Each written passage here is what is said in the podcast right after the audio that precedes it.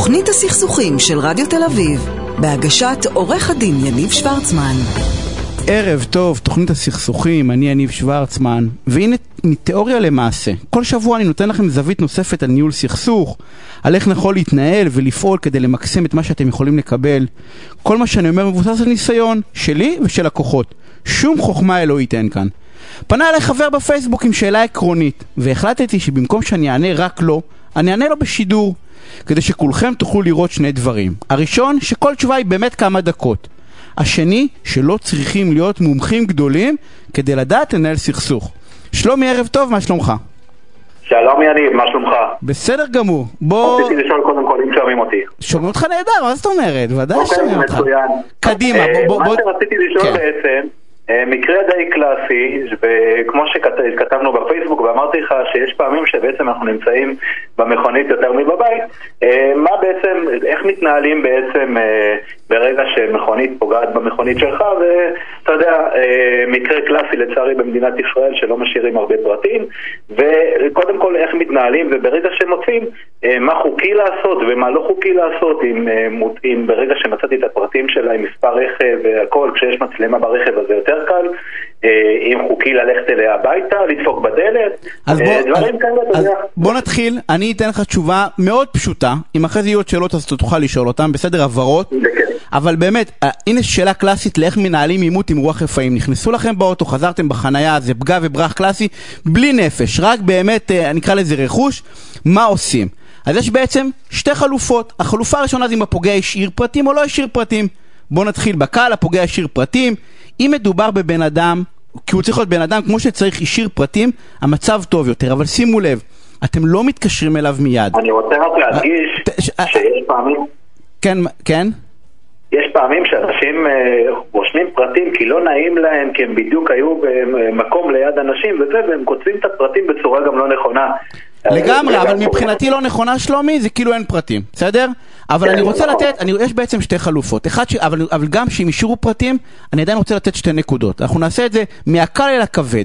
השאירו פרטים, אתם, אתה, כשאתה השאירו לך פתק על החלון, אתה לא מתקשר. למה אתה לא מתקשר? כי באותו הרגע, לא משנה מה, דפקו לך את האוטו, אתה כועס. אתה עצבני, השיחה עלולה להיות לא נעימה. ואותו בן אדם היה בסדר, הוא השאיר לך פתק. לא אתה זה שעושה את השיחה לבן אדם לך את הטלפון, לא אתה. להתקשר לאבא, אמא, חבר, חברה, אח, אחות, זה לא משנה. מישהו אחר עושה לך את השיחת טלפון הזאתי. מישהו בא איתך בטוב, ועוד פעם, לפעמים אנחנו כועסים, ואז אנחנו מוציאים את הכעס שלנו על אותו בן אדם, כי הוא הולך לגרום לנו קצת כאב ראש, נכון? אבל הוא השאיר לך את ההודעה. אז לא אתה עושה את השיחה הזאתי. אז זה אחד. שתיים, לא רק שאתה לא עושה את השיחה, תמיד מציעים לך לשלם במקום להפעיל את הביטוח, נכון? צריך לשים לב, אנחנו מתפתים מהר מאוד להגיד כן, ואז לפעמים הנזק גדול יותר. אז קיבלת את ה-1000-1500 שקלים שלך, אבל לפעמים הנזק הוא, אנחנו לא יודעים את זה, זה פגיעה בשאסי או משהו כזה, הנזק הרבה יותר גדול. לשים לב שהפגיעה היא לא באמת יותר גדולה, ושלוש, לעשות הכל בכתב. אבל זה כאמור, אתה יודע, זה הקל, נכון? השאירו לנו פתק. עכשיו, מה עושים אם לא השאירו לנו פתק? פגע וברח אמיתי, בסדר? הגעת לאוטו, ראית שהוא נדפק, אתה מלא עשן, שריטה, ווטאבר. ההחלטה הראשונה שצריכים לעשות, זה עוד פעם, כמו שאני ממליץ שלומי, אתה שומע אותי בתוכנית, זה לא. זה לא, תקשיב, זה לא לעשות כלום לפני שאתה מדבר עם מישהו. למה? האינסטינקט הראשוני שלנו, של כל בן אדם, הוא לקחת את הרגליים וללכת משם, להתעצבן, ואז אחרי זה לעשות חושבים. צריכים להרים טלפון למישהו עוד פעם. תעשו לכם אקט, באמת, תעשו לכם מין מנטרה כזאת. קרה משהו, תרימו רגע טלפון. כי הוא יעזור לכם לעשות סדר בראש. מה עושים? צריכים להחליט דבר ראשון, אם אנחנו רוצים לריב על זה. אתה יודע, היה לי אוטו ישן, 12 שנה, הוא היה דפוק מכל צד. אז מישהו היה נכנס בי, אז אתה יודע, זה היה לא נעים, אבל אתה בא ואומר עוד דפיקה. צריכים קודם כל להחליט אם אני רוצה לריב על הדבר הזה, בסדר? אם יש לי כוחות. כי לפעמים אנחנו אומרים, אנחנו הולכים לריב על הדבר הזה, ואנחנו מתחילים להשקיע אנרגיות, כי אתה, אה, אה, אתה יודע, בן אדם שבא ואומר, דפקו לי את האוטו, מה הוא צריך לעשות?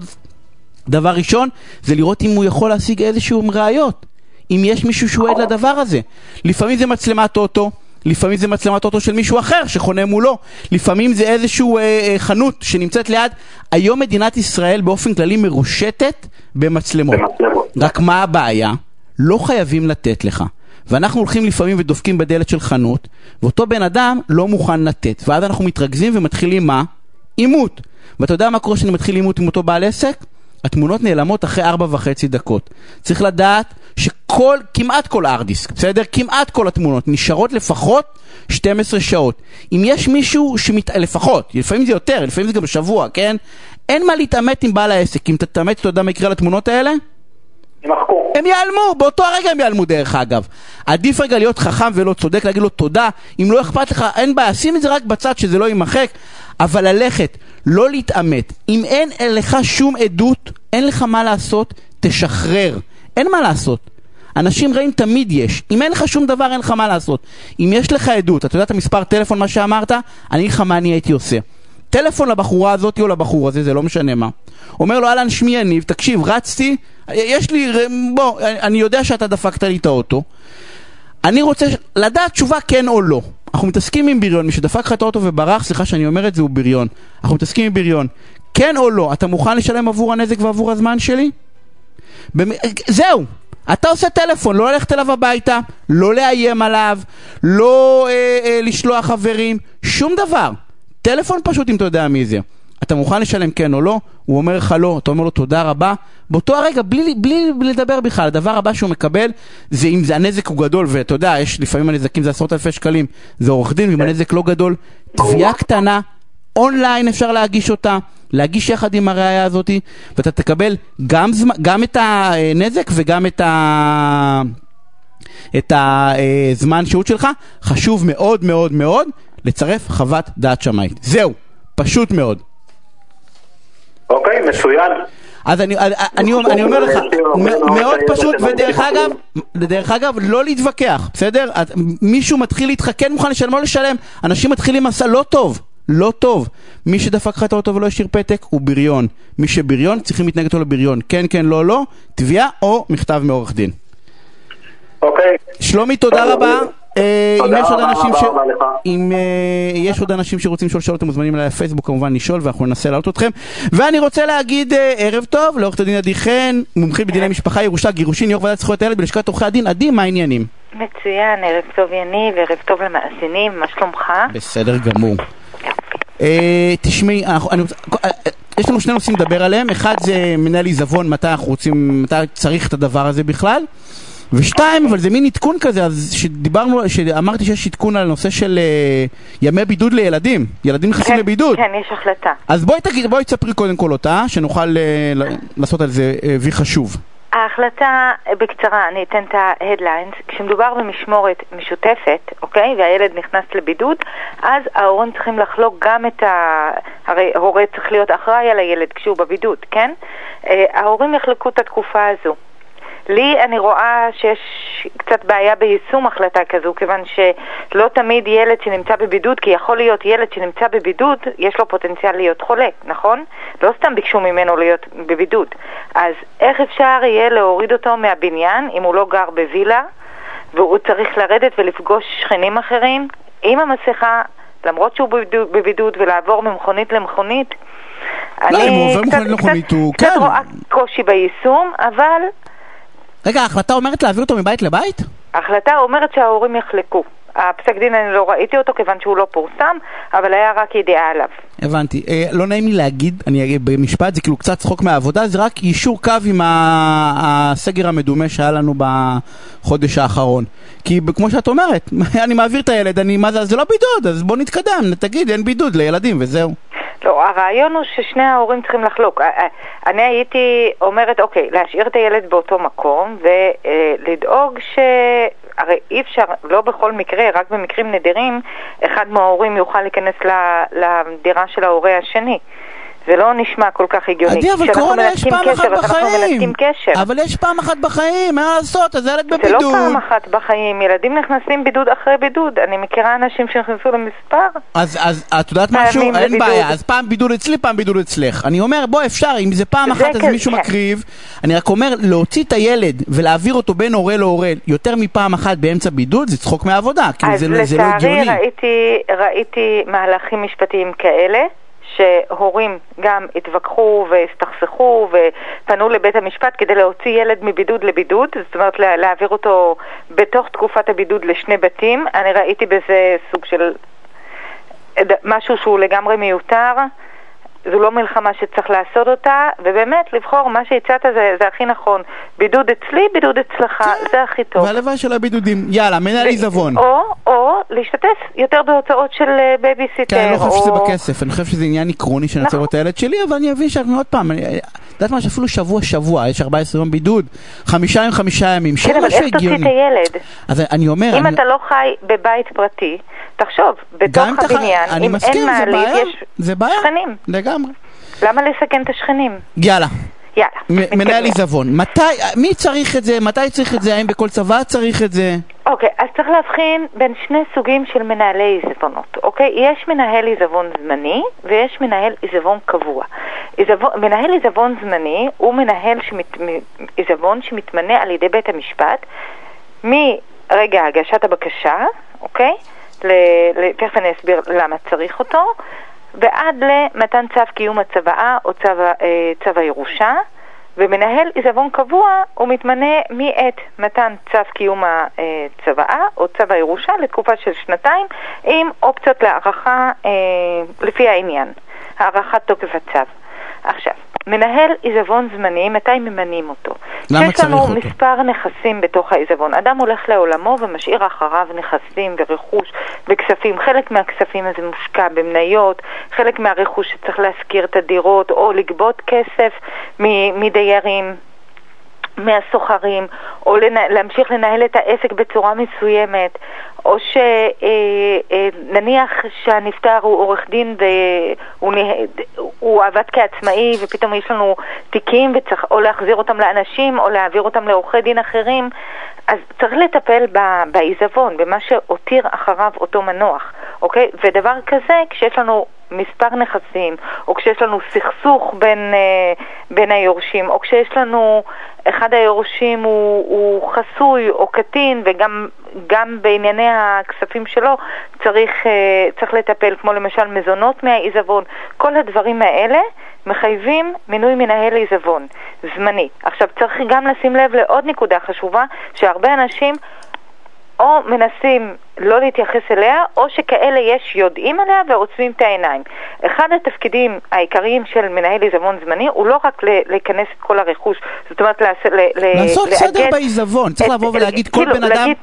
להגיד, מה בדיוק כלול בעיזבון, זכויות נניח לה, לאותו מנוח, אה, הוא, הוא נפגע בתאונת דרכים והוא הגיש תביעה נגד חברת הביטוח, הוא אמור לקבל את הפיצויים, אז לדאוג לקבל את הפיצויים, לשים אותם, להפקיד אותם בתוך קופת העיזבון. אבל אחד התפקידים העיקריים גם הוא לשלם את החובות של המנוח. עכשיו שים לב, הרבה פעמים יש לנו קשיש שנפטר כשהוא דייר בבית אבות למעשה, כשהוא היה סיעודי, והוא חייב לאותו אה, גורם טיפולי. והרבה הרבה פעמים אני נתקלת בסיטואציות שהיורשים בכלל מתעלמים ומחלקים את הירושה ביניהם מבלי שבית האבות ידע, או העירייה למשל, שהמנוח היה חייב לארנונה או אה, חוב ארנונה אבל או באים חוב אליהם אחר. אחרי זה.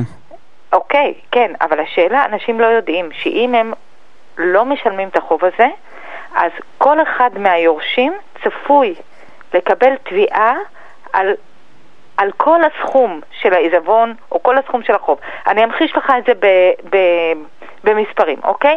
אם יש לי אדם שהעיזבון שלו כולל מיליון שקל ויש לו חמישה ילדים, כל אחד מהילדים מקבל 200 אלף שקל. עד כאן בסדר? נניח ש... אה, שאותו מנוח היה חייב לעירייה אה, גם מיליון שקל. העירייה יכולה להגיש תביעה נגד כל אחד מהיורשים, לא על סך 200 אלף שקל, אלא על סך מיליון שקל. על הכל. עדי, אני בעצם. רוצה לעשות סדר למאזינים, כן. מה- מנהל עיזבון, תראי, כל אחד, מה כל אחד? כל אחד שנפטר מוריש משהו. זה בדרך כלל משהו, יכול להיות דירה נכון. קטנה, יכול להיות קצת כסף. אז בדרך כלל לא צריך מנהל עיזבון, אם יש נכון, דירה אם יש אחת, רכוש, וכמה לא שקלים, ב- וכמה ש-. בדיוק, וכמה שקלים. כאשר יש יותר מדירה אחת, וכמה חשבונות בנק, ויש תביעות, או יש איזה עסק, אז כאשר מומלץ... החלוקה תהיה מורכבת, או שצריך אז לטפל מומלץ בנכסי לקחת העיזבון, מישהו בעצם, בדיוק, או לטווח ארוך, ואז יש מנהל עיזבון קבוע, כי צריך לטפל בעיזבון. מנהל עיזבון קבוע, התפקיד הרחב שלו הוא לחלק את העיזבון בין היורשים. מנהל עיזבון זמני הוא זה שצריך לאגד את כל הנכסים, להסדיר את החובות. ובעצם ליישר קו. ולטפל בכל העניינים הדחופים, כמו למשל, נניח, אה, צריך לשפץ את, ה, את, את הדירה, כי היא מהווה אה, מפגע בטיחותי לעוברים ב, באותו רחוב, אוקיי? פה מדובר ב, במשהו שהוא SOS, אתה חייב להסדיר אותו, וזה יוסדר על ידי מנהל העיזבון. הזמני.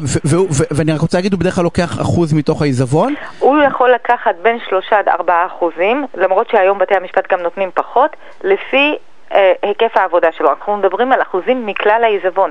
זאת אומרת, אם העיזבון הוא מיליון שקל, ואם הוא עשה הרבה פעולות, ובית המשפט יתרשם שהוא עשה הרבה פעולות, הוא יכול להגיע לארבעה אחוז מתוך המיליון שקל. אז, אז בעצם ההחלטה צריכה להיות, אם יש הרבה, אז לפעמים שווה למנות מנהל עיזבון שיעשה סדר בדברים, כי אחרת עלולים לשלם ביוקר על כל מיני דברים שלא בהכרח ידענו. לפעמים שווה ולפעמים לא שווה. לפעמים אנחנו רואים גם צבאות שהמנוח ממנה מנהל עיזבון, וכנראה הוא לא מבין שמנהל העיזבון, אה, אה, שהעיזבון הפתרון שלו לא מצדיק מינוי.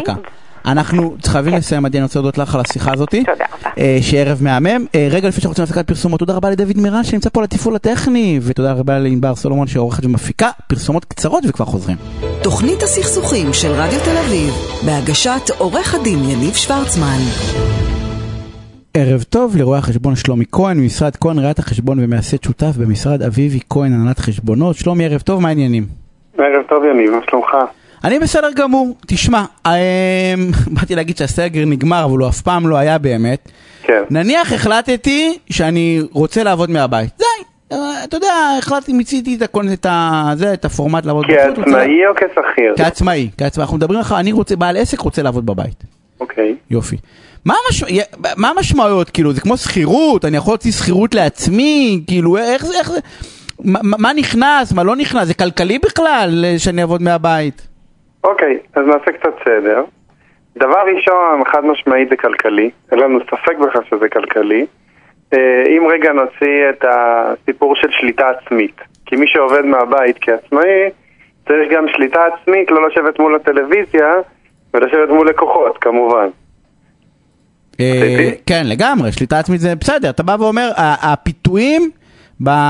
נכון, יש פיתויים. בבית אנחנו פיתויים זה יכול להיות, הפיג'מה, להתלבש בבוקר. לישון באמצע היום. כן, לשחק פיפא, הכל. אני רוצה לעבוד בבית. הוצאנו את זה החוצה, זה חסכוני, חד משמעית. למה? כי לצאת עכשיו מהבית ולעבוד במשרד, אז עולה לך שכירות, עולה לך ארנונה, תפעול, אותה ועד וכאלה, ואתה אוטומטית מרגיש שאתה מוציא מהכיס הרבה יותר. אבל מנגד, גם עומד לך הנושא של הנראות. כלומר, אם אתה עובד עם לקוחות ואתה צריך להביא אותם אליך לעסק, לפעמים זה פחות נוח, פחות נוח להביא אותם לבית. גם אם רואים את המקום האישי, לפעמים זה לא בית הכי מושקע שיש, ולפעמים הוא בית מושקע מדי, ואז אתה יודע, זה גורם לאיזושהי פתיחת ערים. אז לפעמים אנשים מעדיפים לא להביא אותך לבית, ומעדיפים להביא אותך למשרד. אז זאת וגם... סיבה שנייה, דרך אגב, אמרת אחד, זה הש... היכולת לשלוט, השליטה העצמית. שליטה עצמית, נכון. ושתיים בעצם זה הנראות, אבל גם שליטה עצמית, עוד פעם, למי שזה מתאים מתאים, אבל גם נראות, בואנה, היום יש מיליון משרדים, אה, אתה יודע, לפי, אתה יכול לקחת נכון, חדר יפה נכון, כזה, נכון, וחדר נכון. ישיבות, ותיפגש שם עם אנשים. נכון, אבל עדיין, אה, נכון, אתה צודק. לפעמים עדיף לצאת למשרד בשביל להיפגש, אבל אם אתה לא צריך להיפגש עם לקוחות פיזית ואתה עובד מרחוק, כמו כל הנושא של אה, מדיה דיגיטלית ופרסומים וכדומה, אז לעבוד מהבית זה קלאסי בשבילך, אתה חוסך פה הרבה מאוד הוצאות. ומעבר לזה, אתה לא רק חוסך את ההוצאות של אה, לצאת מהבית, אתה גם מכיר את ההוצאות של הבית בחלקיות. כלומר, לדוגמה, אם נגיד אתה עובד בדירת ארבעה חדרים, אז אתה יכול לקחת חדר ולהשליך אותו כחדר עבודה. ואז כל מה שבתוך החדר הזה, לרבות מזגן שהתקנת בו, או שולחן שקנית אליו, או גם פינת ההמתנה מחוצה לו, נניח ואתה מקבל לקוחות, אתה מכיר ח... את זה? גם חשמל? גם חשמל לפי אחוז מסוים. אחוז, גם ארנונה? חדרים אז 25 אחוז, גם ארנונה, גם ועד. ואז עולה השאלה שכל עצמאי שואל אותנו, האם את השכירות אני יכול להכיר כהוצאה? והתשובה היא לא. עכשיו רגע, יש לזה סייג. אם, בוא, בוא נתחיל ב, לא בשכירות, נתחיל במשכנתה. אוקיי. Okay. אם עכשיו הבית הוא שלך, ואתה משלם עליו משכנתה, אז להכיר את הרכישה של הבית לא, למה? כי זה פוגע לך במשמעות של הבית, הוא הופך אותו מבית פרטי לעסקי, ואז יכול להיות שיהיה לך איזושהי הסתבכות עם השבח וכדומה, ביום שתרצה למכור, אז לא. אבל את הריביות על המשכנתה שאתה משלם, בטח ובטח תכיר כהוצאה לפי החלקיות של אותם כמות חדרים שדיברתי עליהם. אה, ריביות של. המשכנתה כן? חד משמעית כן. זה מטורפות. זה תלוי איזה בית וכמה אה, שפיצר, חדרים. לא משנה, זה אוטומטית חצי זה אה, ריבית הרי. זה לפעמים מגיע לעשרות אלפי שקלים, שחוסכים הרבה מאוד כסף לנישומים, וזה הוצאה מוכרת לכל דבר. הנה למדתי. כן, כן. אז אמרנו משכנתה. לגבי שכירות, התשובה היא לא, אבל יש לזה משמעות. למה? כי כשאתה משכיר נכס, אוטומטית כתוב שם אה, דירה למגורים בלבד. למה? כי המשכיר, זה שנותן לך את הנכס כדי לעבוד, לגור בו, אם, אתה, אם הוא מגדיר לך את זה כנכס פרטי, הוא משלם על זה מס מופחת בין פטור לבין עשרה אחוזים. אם זה נכס עסקי, זה אוטומטית קופץ למס שולי או 31 אחוז אם אתה מתחת לגיל 60. אני יודע שזה המון מידע, אבל בקיצור, אני לא יכול לעשות את זה כי הוא לא מצהיר את זה כעסק, אז אני לא יכול להזדכות על זה. נכון. אבל למה סייגתי את זה? למה סייגת? כי אם מדובר בבן אדם מבוגר, שבכל מקרה לא משלם מס, כי זו ההכנסה היחידה שלו, יש פתרון, ואפשר ללכת לרשות המיסים ולבקש אישור ניכוי מס במקור ולהתיר את זה, כלומר, כי צד אחד אבל אז אתה צריך בעל הבית, אחד כן, מאוד זה ספציפי, סיפור. מאוד נכון. ספציפי, כי אתה יודע, זה נכון. הנכס היחיד שלו והכנסה וכן הלאה. נכון. ושתיים, הוא צריך להיות מעל גיל מסוים, זה. ושלוש, בכלל הוא צריך להיות בן אדם, כן, הוא צריך... שהוא יסכים על זה, זה החלק הכי. קשה. נכון, חד משמעית. וכמו שאמרנו, מעבר ל... אם דיברנו על שכירות במשכנתה, אתה מכיר את כל שאר ההוצאות של הבית. יש לי שאלה אליך אבל. יש לי שאלה אליך. כן. נניח אני מרוויח אבל אה, סכום שמשלמים עליו אה, אה, מס 30 אחוז, אוקיי? אין לי, אין לי, אוקיי. אין לי הוצאות, כאילו, על המחיר, שאמרת מחירים מקודם, אין לי הוצאות להזדכות עליהם. מה כאילו, זאת ב- אומרת אין לך הוצאות? כי, למה הכוונה? אה, על, במקום משרד ששילמתי עליו אה, נניח אה, 8,000 שקל, נכון, אבל רגע, ואז אני. במקום לשלם את ה-8,000 שקל, אני משלם את זה למס. הכנסה. כן, אבל בכל מקרה עדיף לך לחסוך בהוצאה, כי המס של ה-30 אחוזים הוא מהחלק העליון של ההכנסה שלך. כלומר, עד נגיד 6,000 שקל הרווח, עד, עד נגיד, סליחה, 70 אלף שקל רווח בשנה, אתה משלם 6 אחוזים. ואז בין 60 ל-110 אתה משלם 30 אחוזים. זה, זה מדרגות. כלומר, תמיד עדיף לך להרוויח כמה שיותר, כי זה או שתשלם את ההוצאה הזאת שזה 100 אחוז הוצאה, לא, אבל אתה- אתה מבין מה אני מה אני למדינה שואל? 30 האם- האם אחוזים. במח- האם בסכום מסוים כבר כן שווה לי את ההוצאה הזאתי? כי או שנניח, עוד פעם, אה, עצמאי יושב בבית, בדיגיטל ועושה 70 אלף שקל, אוקיי? אוקיי. אבל הוא בא ואומר, רגע, אני אשלם בפער הזה את העשרת אלפים ל- לרשות המיסים, או אקח את העשרת אלפים לשלם למשרד, זה כאילו אותו כן, דבר אבל אתה לא בשבילי. משלם להם פער של עשרת אלפים שקל. אתה זה הרבה משלם להם פחות? פער של שלושת אלפים שקל על עשר נגיד. או חמשת אלפים על עשר. אתה הבנת את הכוונה? לגמרי. אז לא- אתה בא ואומר, לא משנה איזה הוצאה, בוא תרוויח הרבה כסף, תשלם מעט הוצאות. זה כן, הנוסחה, נכון, אבל- בגדול זה הנוסחה להיות עשיר. בהינתן- העובדה שאתה לא צריך משרד, כלומר שלא חשוב לך נגיד נראות. כי אם חשוב לך נראות, אז חד? משמעית תצא. כן. זה חרטא. אני לא יודע. לא יודע, אני תמיד לא יודע, אני לא אני יודע. בתחושה שלי בלי לפגוע באף אחד. בוא, אם מישהו בא לך... דווקא יש לי- יש לי סיפור דווקא נחמד בנושא הזה. קדימה. אה, לא, פלוני אלמוני, וזה, וזה סיפור אמיתי, הגיע לחתום בלי שמות, חגי, נו. נכון. משהו כזה, אבל אוקיי. בתחום הנדל"ן בא לחתום על עסקת קבלנות של בניין. אוקיי. עכשיו, הוא בא לחתום, הכל היה יפה, הביא ערבויות, הביא הכל, סגר את כל הפינות, אה, הסביר איך הוא יעבוד, כמה פועלים, הכל, ואז בשעת השין, מה שנקרא, בא לחתום על הנייר, והוא הגיע עם רכב, אה, שלא נגיד את שמו, אבל רכב. אוקיי. וכשאנשים ראו את הסוג של הרכב שהוא הגיע איתו, אמרו לו, סליחה אדוני, תודה רבה, אנחנו מתנצלים, אנחנו לא מוכנים לחתום איתך. למה? כי ה- אה, הנראות שלך היא, היא קצת מלחיצה אותנו, כי קבלן בניין אמור אה, שיהיה יהיה לו מספיק הון מאחוריו כדי להחזיק את, ה, את אתה מבין העבודה. אבל איזה שטוח זה? ואני, אני, אני, אה, לא, זה נראה לי אבל זה שיח ש- סיפור אמיתי. לא, אז אני אתן לך. סיפור אמיתי הפוך. אחד הלקוחות הראשונים שלי, בא אליי יום אחד, מכנסיים קצרים, סנדלי שורש כאלה וזה, תביעה נורא נורא גדולה, אמר לי, תקשיב, אני ואין לי כסף וזה, תעשה לי מחיר, תעשה לי מחיר. באמת מחיר שחיטה, בסדר? הלכתי לקראת האיש. ניצחנו בענק, באמת, תיק נורא נורא מורכב, עבדנו המון המון שעות, הוא אומר לי, בוא למפעל שלי. אני אומר לו, "מה- מפעל? אנחנו הולכים למפעל שלו, מפעל, לא משנה, באמת, מפעל עצום, שלושה BMW בחוץ, אתה יודע, ואני בא ואומר, ואני קניתי את ה... בהפוך, כן? בדוגמה ההפוכה. כן, ממש הפוכה. ואנחנו קנינו את, ה, את הדבר הזה. אבל לא, סתם, נראות זה, זה שיח אחר. מה עוד חשוב? יש עוד משהו חשוב שאני בתור עצמאי בבית, כי אנחנו צריכים, אנחנו נעשה עוד פינה לעובדים. אה, דרך אגב, אנחנו תכף מסיימים, תקשיבו. אנחנו צריכים, לא, לא, אני ואתה כבר הבטחנו. לפני שבועיים, שאנחנו נמשיך את השיחה הסופר חשובה הזאת בנעשה התקציב? לייב בפייסבוק. נכון. נכון? יום רביעי הזה בשמונה וחצי, אתה ואני עושים לייב בפייסבוק. דייט.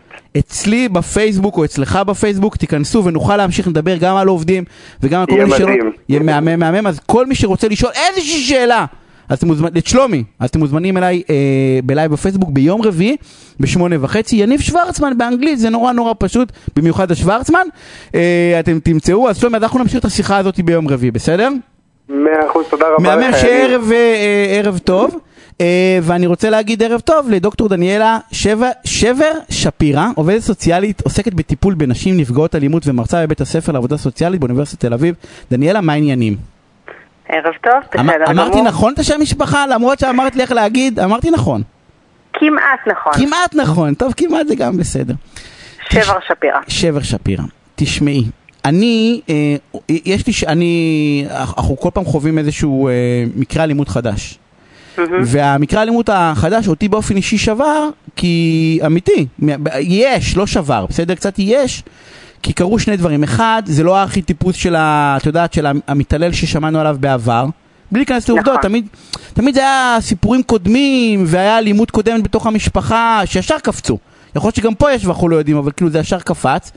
זה אחד, אז, אז עוד פעם, אז, אני- את יודעת, זה קצת, מה עוד אפשר לעשות, ולפחות בסיפורים, אז הוא בן להורים שמטפלים, וכאילו, זה הכי לא זה, כן? הכי לא, לא הטיפוס שאמור, אה, אם יש כזה, לרצוח את אשתו. והדבר השני, שעוד פעם כולם החליפו את ה... נו, בפייסבוק את ה... אה, כאילו, אה, מסגרת. שמין כזה עוד, עוד גל של מסגרות כזה, שאנחנו כל פעם בגלים של מסגרות, והשאלה שלי אה, אלייך זה אם, יש בכלל מה לעשות במאבק הזה בטווח קצר, או שמדובר פה באיזשהו מאבק ארוך טווח, כאילו שאין מה, אין מה לדרוש משהו מיידי כי זה פשוט לא יעבוד. האמת היא שזאת שאלה באמת מאוד מאוד מורכבת. אני אגיד לגופו של האירוע האחרון שקרה, שהוא אכן שאלה מאוד מאוד גדולה, שבאמת אין לנו עליה כרגע תשובה, ואני מניחה לפחות ממה שנראה על פניו, שלא היו איזה סימנים ויש פה משהו שהוא קצת אה, היוצא מן הכלל שאינו מעיד על הכלל. אבל בנוגע לשאלה שלך אני אגיד משהו שהוא לא מחדש, אלא פשוט אוסף ידע קיים שמוכר לכל העוסקות בתחום הזה, והוא שהתופעה הזאת של אלימות נגד נשים במשפחה היא תופעה מאוד מאוד מורכבת. ומאוד מאוד מורכבת לפתרון, ולכן כל מיני פתרונות שמנסים להציע שהם יותר נקודתיים, יותר ממוקדים בצורך נורא נורא ספציפי, לא מצליחים לתת מענה. ובזה אתה קצת צודק שיש איזו תחושה שכל פעם שיש איזה רצח או יש איזה אירוע, כולם מתעוררים, ואחר כך זה קצת אה, דועך בשיח, אף על פי שהשדה שעוסק בתופעה הזאת או מנסה להתמודד עם הבעיה, עובד מאוד מאוד קשה, כל הזמן, לאורך הזמן, ובכל זאת לא מצליח להציע לא פתרונות ארוכי טווח שבאמת בטח לא ימגרו את התופעה, אבל גם לא יצמצמו אותה, לצערנו. אז מה כן, כאילו, אה, אה, זה נורא, אני, אה, את יודעת, גם בשיחה שלנו, יש פה איזשהו, מה, זה, כאילו, אנחנו מיואשים? לא, זה אני בא ואני אומר, אני, אני באמת, מה- מה אפשר לעשות? מה תראה, כן אני אפשר אגיד- לעשות? אנסה אולי להצביע על הסיבות שבגללן הפתרון הוא נורא מורכב.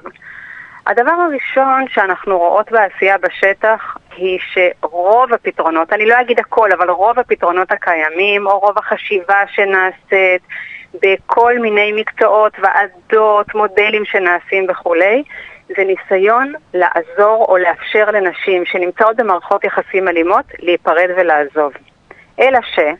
רוב המשפחות שנמצאות במעגל האלימות ונשים שנמצאות בתוך קשרים אלימים לא רוצות להיפרד והן לא רוצות לעזוב, ומה שהן בעצם מבקשות, רוצות או צריכות זה מענים או פתרונות שיאפשרו להן לשקם את הקשר ולהפסיק את האלימות בלי לפרק את המשפחה או לפרק את הזוגיות ואת הקשר. והדבר הזה, או המשאלה הזאת, להמשיך ולהיות בתוך הקשר, שיש בו גם המון סבל ומצוקה וכאב, אבל גם אהבה וגם חיבור ומשפחתיות וילדים ושמחות וכל מיני רגעים גדולים וקטנים, היא משהו שאנחנו עוד לא השכלנו לתת לו פתרון ומענה. ובמובן הזה נוצר אה, איזשהו תהליך או מהלך קצת פרדוקסלי שאותי הוא תמיד מאוד מצער והוא מאוד מאתגר אותנו כנשות מקצוע בתחום הזה, שאנחנו מנסות לעשות הכי טוב שאנחנו יכולות ולשכלל את עצמנו ולהציע מענים ולבוא לקראת ולגייס נשים לטיפול ולבוא להיעזר, ובפועל רבות מהן מרגישות אותנו כסוג של, אני משתמשת בזהירות במילה, אבל אני קצת מרגישה את זה כסוג של אויבות כי אנחנו מציעות לא את מה שהן רוצות לקבל, ויותר מזה, אנחנו בעיקר מציעות את מה שבני הזוג שלהן אה, לא רוצים שהן תקבלנה ולא מצליחים להיעזר בנו. אז שם כבר יש בעיניי, או בעינינו העוסקות בתחום, בעיה מספר אחת שאין לנו פתרון אליה. אני, אני, אני רוצה אותך שנייה, אני תוך כדי חושב בעצם אז שכל הקריאות של ה"תתקשרי" ונעזור לך", בעצם זה, זה, זה, זה קריאות, לא רק שהן קריאות שווא, זה קריאות שדוחפות אותן חזרה למערכת היחסים. כי הן אומרות, אנחנו לא רוצות את הקריאה הזאת שתוציא אותנו מהבית. אנחנו רוצות נכון. קריאה שתז... בעצם כאילו במקום כל מי שמנסה עליו כאילו, ל, ל, יש מלא פוסטים שאומרים רק, רק תרים יד, רק תגידי שאת צריכה עזרה, אז, אז הן בעצם אומרות לעצמם, כל מי שקוראת, לא, אני לא רוצה את העזרה שלכן, כי אתן רוצות לעזור לי לפרק. נכון. ואני רוצה את העזרה להתמודד, את העזרה אולי לשנות, את העזרה טיפה לצמצם את האלימות, גם אני כן אהיה מוכנה אולי לסבול אותה באיזשהו היקף, אבל אני לא רוצה לפרק, ובגלל זה זה, זה מין כזאת קריאה שהיא לא, לא תיענה. זה אולי הכללה קצת הכללה, אה, הכללה, גורפת, ברור. אבל, אבל בגדול אתה צודק. בעיניי, בגדול, אה, הרבה פעמים הקריאה לבואי תעזרי, אנחנו פה, אל תישארי לבד. בהינתן שאנשים יודעות שרוב מה שיש לנו להציע להן זה לחזק אותן לכיוון של עזיבה, הן לא, הן לא תבואנה, הן לא תפננה בדיוק מהטעם שאתה אומר. זה מאוד מאוד מדויק ונכון, לפחות בעיניי.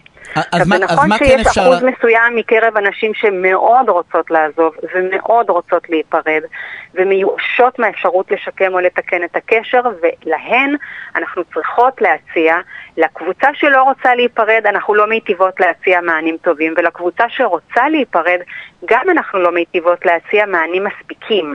המענים כן מכוונים לכיוון שהן מבקשות אבל הם לא מספקים במובן שהם לא מערכתיים מספיק והם לא כוללים מספיק והם לא רואים או מתייחסים למגוון הצרכים שיש לנשים בתוך מערכות יחסים אלימות.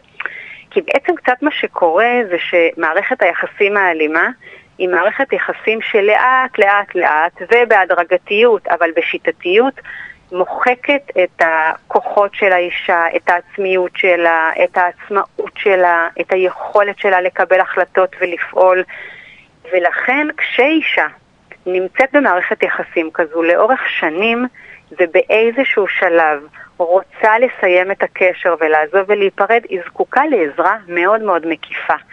ומה שלצערנו קורה ברוב המקרים, וגם פה אני לא מחדשת, זה ידוע, זה מוכר, המערכות שעובדות עם זה מכירות את הבעיה, כל פרופסיה יודעת להציע עזרה מנקודת המבט שלה. כל שוטרת במשטרה, כל רופאה, כל חוקרת, כל עורכת דין, כל עובדת סוציאלית יודעת מתוך הפריזמה של המקצוע שלה להציע איזושהי עזרה. לצערנו, כמעט אף אשת מקצוע או איש מקצוע בתחומים האלה לא מחזיקה איזה ידע יותר רחב, שזאת בעיה מספר אחת, ומספר שתיים, שאנחנו לא מספיק עובדות בשיתוף פעולה אחת עם השנייה.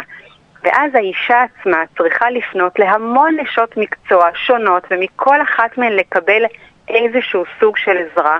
המסע הזה הוא מסע מאוד ארוך, מאוד קשה, מאוד מפרך. במקרה הטוב, היא מקבלת טיפול מקצועי עם המון סבלנות ורצון טוב, במקרה הפחות טוב היא גם לא מקבלת את זה. ואז היא נשארת כשהרבה מהצרכים שלה לא מקבלים מענה ומתקשה או להיעזר בתוך הקשר, או לחתור לכיוון של פירוק או סיום מערכת היחסים. ואז עלול לגרם נזק יותר מאשר תועלת בעצם בתוך הדבר הזה. כי נכון. היא עלולה להיפלט בחזרה באופן אבסורדי לתוך הבית. הפתרון לזה זה ההצעה שהציעו על איזשהו... אה, אה, מנהלת, לעשות משהו שירכז את זה? נכון. יש uh, קולות ודיבור ומחשבה, ואפילו נעשו מאמצים uh, פרקטיים לקדם רשות למאבק באלימות נגד נשים במשפחה, כמו בזמנו הקימו את הרשות למלחמה בסמים ואלכוהול, הרשות לביטחון בדרכים, uh, רשות שתראה את כל הצרכים, את כל השירותים, את כל המענים, כי אני אגיד משהו שאתה קצת מיואש בצדק, בתחום הזה של אלימות נגד נשים, קשה לי להגיד שאין שירותים.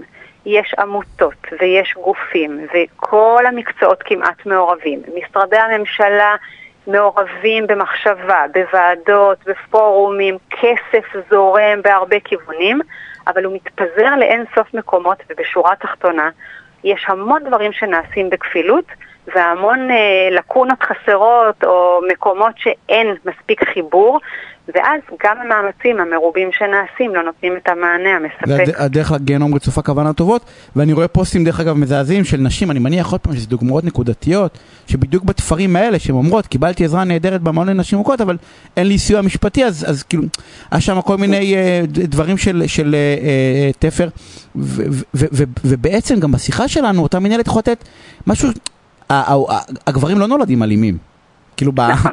אף אחד לא נולד אלים. זה מה שאנחנו רוכשים עם הזמן, כן? כאילו, ואין מענה. אני שיתפתי לך שאני, יש לי שלושה בנים, למשל, אני לא זוכר משהו במערכת החינוך שמדברים על הדבר הזה בכלל. ששמים את זה על השולחן ואומרים, אל תנ... את יודעת, משהו, אין. Mm-hmm. תראה, פה אתה נוגע בעוד אחת מהסוגיות שבגללן כנראה אנחנו משערות ומחקרים קצת uh, מאששים את זה, לא מצליחות לעשות שינוי אמיתי ועמוק, מכיוון שאנחנו כל הזמן מנסות לכבות את השריפה הבוערת ולא למנוע אותה מלכתחילה, ובשביל לחשוב על למנוע אותה מלכתחילה, רבות וגדולות ממני כתבו uh, וחושבות שעד שלא יהיה שינוי עמוק ואמיתי ויסודי בתפיסה של שוויוניות בחברה, במה היא אישה, מה מקומה בחברה, מה מקומה במשפחה, אה, עד שלא יהיה שוויון אמיתי בתעסוקה, שוויון אמיתי מול, מול החוק וכולי. הדבר הזה לא יוכל להיפסק כי בעצם המשפחה בהרבה מובנים היא קצת מין מיקרוקוסמוס של החברה הכללית. וכשבנים נולדים לתוך מציאות שבה הם רואים שגברים שולטים בעולם וגברים שולטים בכלכלה ויש להם כוח והם מחפיצים נשים והם מטרידים מינית ובסך הכל, בסך הכל הכל בסדר ועולם כמנהגו נוהג, הם לומדים מזה משהו. ובנות לומד, נולדות לאותה מציאות ורואות בדיוק את אותו דבר וגם הן ד... מבינות קצת מה מקומן בעולם. אנחנו חייבים לסיים. אה, אולי נעשה איזושהי שיחת המשך, אז דניאל, אני רוצה להודות לך השיחה הסופרמנט הזאתי. אה, אנחנו חייבים לצאת להפסקת פרסומות, אז תודה רבה. אה, הפסקת פרסומות קצרה, וכבר, כבר חוזרים. תוכנית הסכסוכים של רדיו תל אביב, בהגשת עורך הדין יניב שוורצמן. עורך דין יגאל בורוכובסקי, מגשר בכיר, בורר בכיר, יו"ר ועדת יישוב הסכסוכים הארצית, גישורים ובוררויות של לשכת עורכי הדין, מייסד המשרד בורוכובסקי ושות' יגאל, ערב טוב, מה העניינים? אהלן, מה שלומך? אני לא רב איתך על כלום, אנחנו, כי אחרת אנחנו לא נגיע לפינות, אתה יודע, ש... ואז תגיד לי אחרי זה שכל הסגר הרביעי בגללי. רגע, כן, כתבתי לך את זה. אני יודע שכתבת לי, אני יודע שכתבת, המאזינים לא יודעים שכתבת לי שהסגר הרביעי עליי. אמ, תשמע, תראה, רוב, רוב האנשים הממוצעים בדרך כלל לא מסתבכים בתביעות, בסדר? זה, זה זוכים לתביעה, לסכסוך אחד או שניים משמעותיים בחייהם. ו, ובאמת היום, איך אני בתור בן אדם, שהסתכסכתי על 100 אלף שקל, 50 אלף, 200 אלף, 300 אלף שקל, 400 אלף שקל, איך אני יודע איזה הליך לבחור? כאילו, מה, כי אוטומטית כולם הולכים לבית משפט הזה. אה, בוא, בוא נעשה קצת סדר, כי אנחנו מדברים כמובן על גישור גישור, בוררויות בוררויות, בית משפט, אבל אנחנו לא עד הסוף אתה יודע, אנשים לא, לא עד הסוף, אני לא בטוח שאנשים עד הסוף יודעים מה זה כל דבר. בוא תעשה לי סדר. טוב, מה, מה זה בית משפט אני מניח שאנשים יודעים. אה, מגישים תביעה, אה, יש מישהו שמתגונן, אה, עורכי דין בדרך כלל, עם הסתייגות של הליך ספציפי של תביעות קטנות, אבל בדרך כלל עורכי דין, ובדרך כלל כמה שנים עד להכרעה עם זכות ערעור. בסוף יש מישהו שמכריע, לפי הדין אגב, לא לפי צדק, זה טעות ידועה, אלא לפי דין. מנסה ליישם את הדין. במילים אחרות, גם אם אתם צודקים במאה אחוז, אם, אם לא התנהלתם על פי הכללים במרכאות כפולות המשפטיים, אתם תפסידו. שזה רק צריך לדעת, אתה יכול להיות אני, צודק. אה, כן, אני רוצה להגיד את זה בדרך שלי. אה, אה, אם, אה, זה שאתם חושבים שאתם צודקים במאה אחוז, זה משהו שהוא סובייקטיבי לגמרי, וכל אחד חושב שהוא צודק, ולכן בית המשפט כבר לפני כמה מאות שנים אה, אה, אה, לא, לא מנסה להתחקות אחרי איזשהו צדק אובייקטיבי. אלא מנסה, המטרה המוצהרת של בית המשפט היא שיש חוק, החוק הוא כללים, הכללים אומרים בדרך כלל מי אמור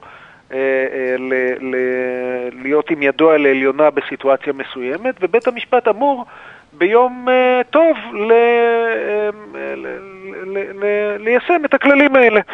אה, ו- ובין זה לבין צדק, לפעמים זו תוצאה שמתיישבת בעיניך עם הצדק, לפעמים לא. אם אתה זוכר. לפעמים אתה חושב שזה צודק והצד השני לא, או ההפך, אה, לפעמים שניכם חושבים שזה בית- לא צודק, אז- אבל זה לא תפקיד של בית בית משפט. משפט אגב, בוח- אנחנו גם לא רוצים שזה יהיה התפקיד של בית משפט, כי ביום שבית משפט אה, יתנתק מהכללים ורק ישאל את עצמו אה, מי צודק, אז אה, אתה יודע, צדק הוא בעיני המתבונן, תגריל שופט אחד תנצח, תגריל שופט שני תפסיד, אה, יום כזה, יום אחר, לא, אנחנו רוצים שופטים שעד כמה שזה ניתן, וזו משימה מאוד קשה, יפסקו על פי סטנדרטים אה, אובייקטיביים אה, שאנחנו יודעים לנבא מראש, כדי שנדע מה מותר ומה אסור ואיך להיזהר.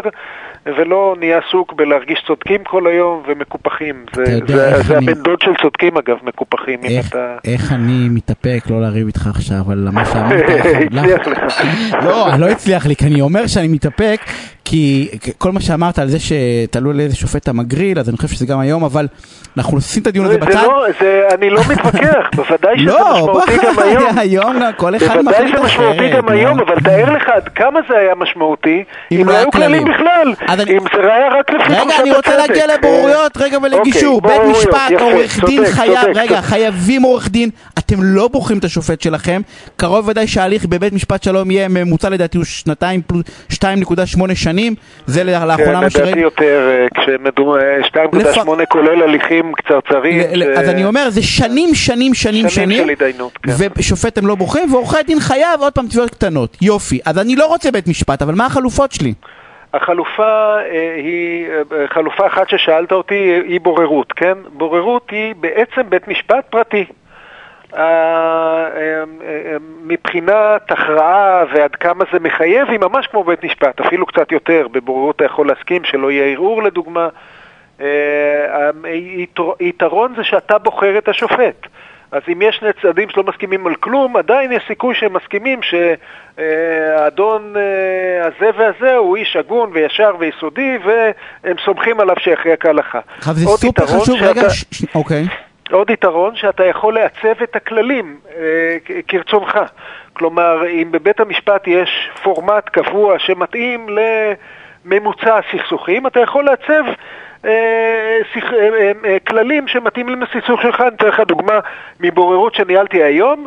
הצדדים הסכימו שהבוררות תסתיים תוך שבעה ימים. עכשיו נניח שהם היו מודיעים לבית משפט שהם הסכימו שפסק הדין יינתן תוך שבעה ימים, כנראה שיש סיכוי שהשופט היה מתפקע מצחוק, כי אין דבר כזה, כן, זה לא... או צדדים הגיעו אליי ואמרו, אנחנו רוצים שהבורות תתחיל ותסתיים היום. והצ... ועזרתי יחד, אה, עזרתי להם לעצב כללים כאלה ש... שאפשר לס... להתחיל ולסיים בוררות באותו יום. אה, או צדדים שאומרים אנחנו לא רוצים שדיני הראיות יחולו כדי שנוכל להגיש את כל המסמכים ויהיה התמונה המלאה או אנחנו רוצים שזה יהיה בזום או שאנחנו רוצים, לא יודע, אתה יכול לבחור מה שאתה רוצה ולהתאים את הכללים לסכסוך שלך. אתה יכול לעשות את זה גם אד הוק כש, כש, אה, כשכבר התגלה סכסוך להגיע להסכמה עם הצד השני ואתה יכול לעשות את זה ב, אה, אה, בהסכם מלכתחילה. התקשרת בהסכם, נניח מכר מקרקעין, או הסכם שותפות, אולי זה יותר אה, אה, שכיח, עם הצד השני, ואתם רוצים, מלכתחילה, אתם הרי לא יודעים מי התובע ומי הנתבע, אתם רוצים לוודא שזה יהיה מהיר ושהרואה חשבון של השותפות הוא יהיה אה, זה שמכריע, אז אתם יכולים להסכים מראש, אה, שימו לב, נגיע אליו, הוא יכריע תוך כך וכך, והכללים יהיו כאלה וכאלו. עצם אז- זה שאתה סומך על הבורר כי אתה בחרת אותו, ברוב המקרים, זה הופך, גם אם אתה מפסיד בסוף, אתה בא ואומר, אבל אני סומך על שיקול דעתו. זה לא איזה מישהו הפילו עליי שאני לא מכיר אותו. כן, זה יתרון גדול לבחור אה, בורר, ולפעמים אתה לא בוחר בורר, אלא בוחר מוסד. לדוגמה, מוסד לבורות עסקית ש, ש, שאני אה, חבר בו, אה, אתה יכול להגיע למוסד, להגיד, תראו, אני סומך עליכם שאתם תבחרו בורר ראוי. בלי קשר לא... למוסד טיפ של אלופים מהצד, אתה בורר, אני האלה שמביא לבוררים, בחרו בורר. אחד שאתם מאמינים עליו. פתחו את הרשימה, אני סומך על יגאל, כי הוא נראה לי איש רציני, לעיתים אלא אם הוא מדבר על הפגנות, ו, ו, אבל אתה יודע, בכל הקשר אחר, קחו מי שאתם סומכים עליו. ואתם יודעים, ודרך אגב, ואמרת את זה נכון, בלי לפגוע בעורכי הדין, אם הסכסוך הוא לא נורא נורא מורכב, וזה באמת שני שותפים שרוצים, אתה יודע, לגמור, אז אפשר להרים טלפון, להגיד, יגאל, יש לך בוקר פנוי, יופי, מתי באים? אתה יודע, וסוגרים את הסיפור הזה, לא צריך להפוך כל דבר לתיק רצח עם uh, התכתבויות של הואיל ואתה יודע, ולהתחיל אה, תחלופת uh, מכתבים. כן, אבל לפעמים יש גם תיקי רצח, כמו שאתה אומר, תיקים שמתנהלים הרבה שנים בבוררות, ושם צדדים מגיעים לא בשביל לקצר הליכים, אלא בשביל לנהל הליכים באופן לא פומבי. הם לא רוצים, בית משפט זה פומבי, כן? כל אחד יכול לבוא ולראות מה, מה פסק הדין. הם לא רוצים שכולם ייחשפו לכל הסודות שלהם, או להכרעות, או לכביסה המלוכלכת שלהם, ובמקרה כזה בוחרים לעשות את זה בחדרים סגורים, אז יש לבוררות גם יתרון כזה. בשביל סודיות. יגאל, יש לנו ממש עוד שתי דקות. גישור. שזה האלטרנטיבה הטובה ביותר. ולמה? יש לנו ממש דקה. בואו בוא, אה, אה, נכניס את זה לקטגוריה כללית של הסכמה. גישור הוא רק סוג אחד של פרוצדורה שאפשר להגיע בו להסכמה. על זה נדמה לי דקה קטנה מלהכין. אני יודע, אני יודע. ראיינת אותי הרבה פעמים ושמעת את דעתי, שלדעתי הרבה הרבה לפני שאנחנו הולכים בדרך כזאת או אחרת שמישהו יכריע מי צודק, או כמו שלמדנו היום מה הכללים, אנחנו צריכים לעשות כל מאמץ להגיע להסכמה עם הצד השני, או ישירות, או באמצעות עורכי דין, או באמצעות מגשר, או באמצעות מעריך סכסוכים, אבל כל מי שיוכל לתת לנו קיצור דרך, שנגיע מספיק קרוב לתוצאה שלנו, אבל בלי הוויה דלורוזה המאוד ארוכה וממושכת הרבה פעמים של הליך משפטי מלא, זה טוב, וזה גם מביא שלום לעולם, ואני אחדד מה שאמרת, וזה נכון, בוררות אין כמעט אחורה, once חתמת, אתה יודע, יש פסק דין, כנ"ל בית משפט, גישור תנסו! לא הלך, תמיד תוכלו להתקדם, אתה יודע, לבית משפט ולבוררות. לגמרי תמיד נכון. להתחיל, יגאל, אני רוצה להודות לך על השיחה הזאת, אה, ושערב טוב, ואל תצא להפגנות ותשמור על עצמך. אה, אני, אה, אנחנו שבוע הבא, ביום שני, בשמונה בערב, פה, יש לכם שאלות, אתם מוזמנים אליי לפייסבוק ולשאול. יום רביעי בשמונה וחצי, אני אהיה עם, עם שלומי בכל מה שקשור ליד חשבון. דני סידס, מיד אחריי, דוד מירנה על התפעול הטכני, בר סולומון ערכה והפיקה. לכו להתחסן, שמרו על המרחק, הסגר הרביעי נראה לי בפתח, בואו ננסה לפחות להראות מראית עין שאנחנו מנסים למנוע אותו. ביי.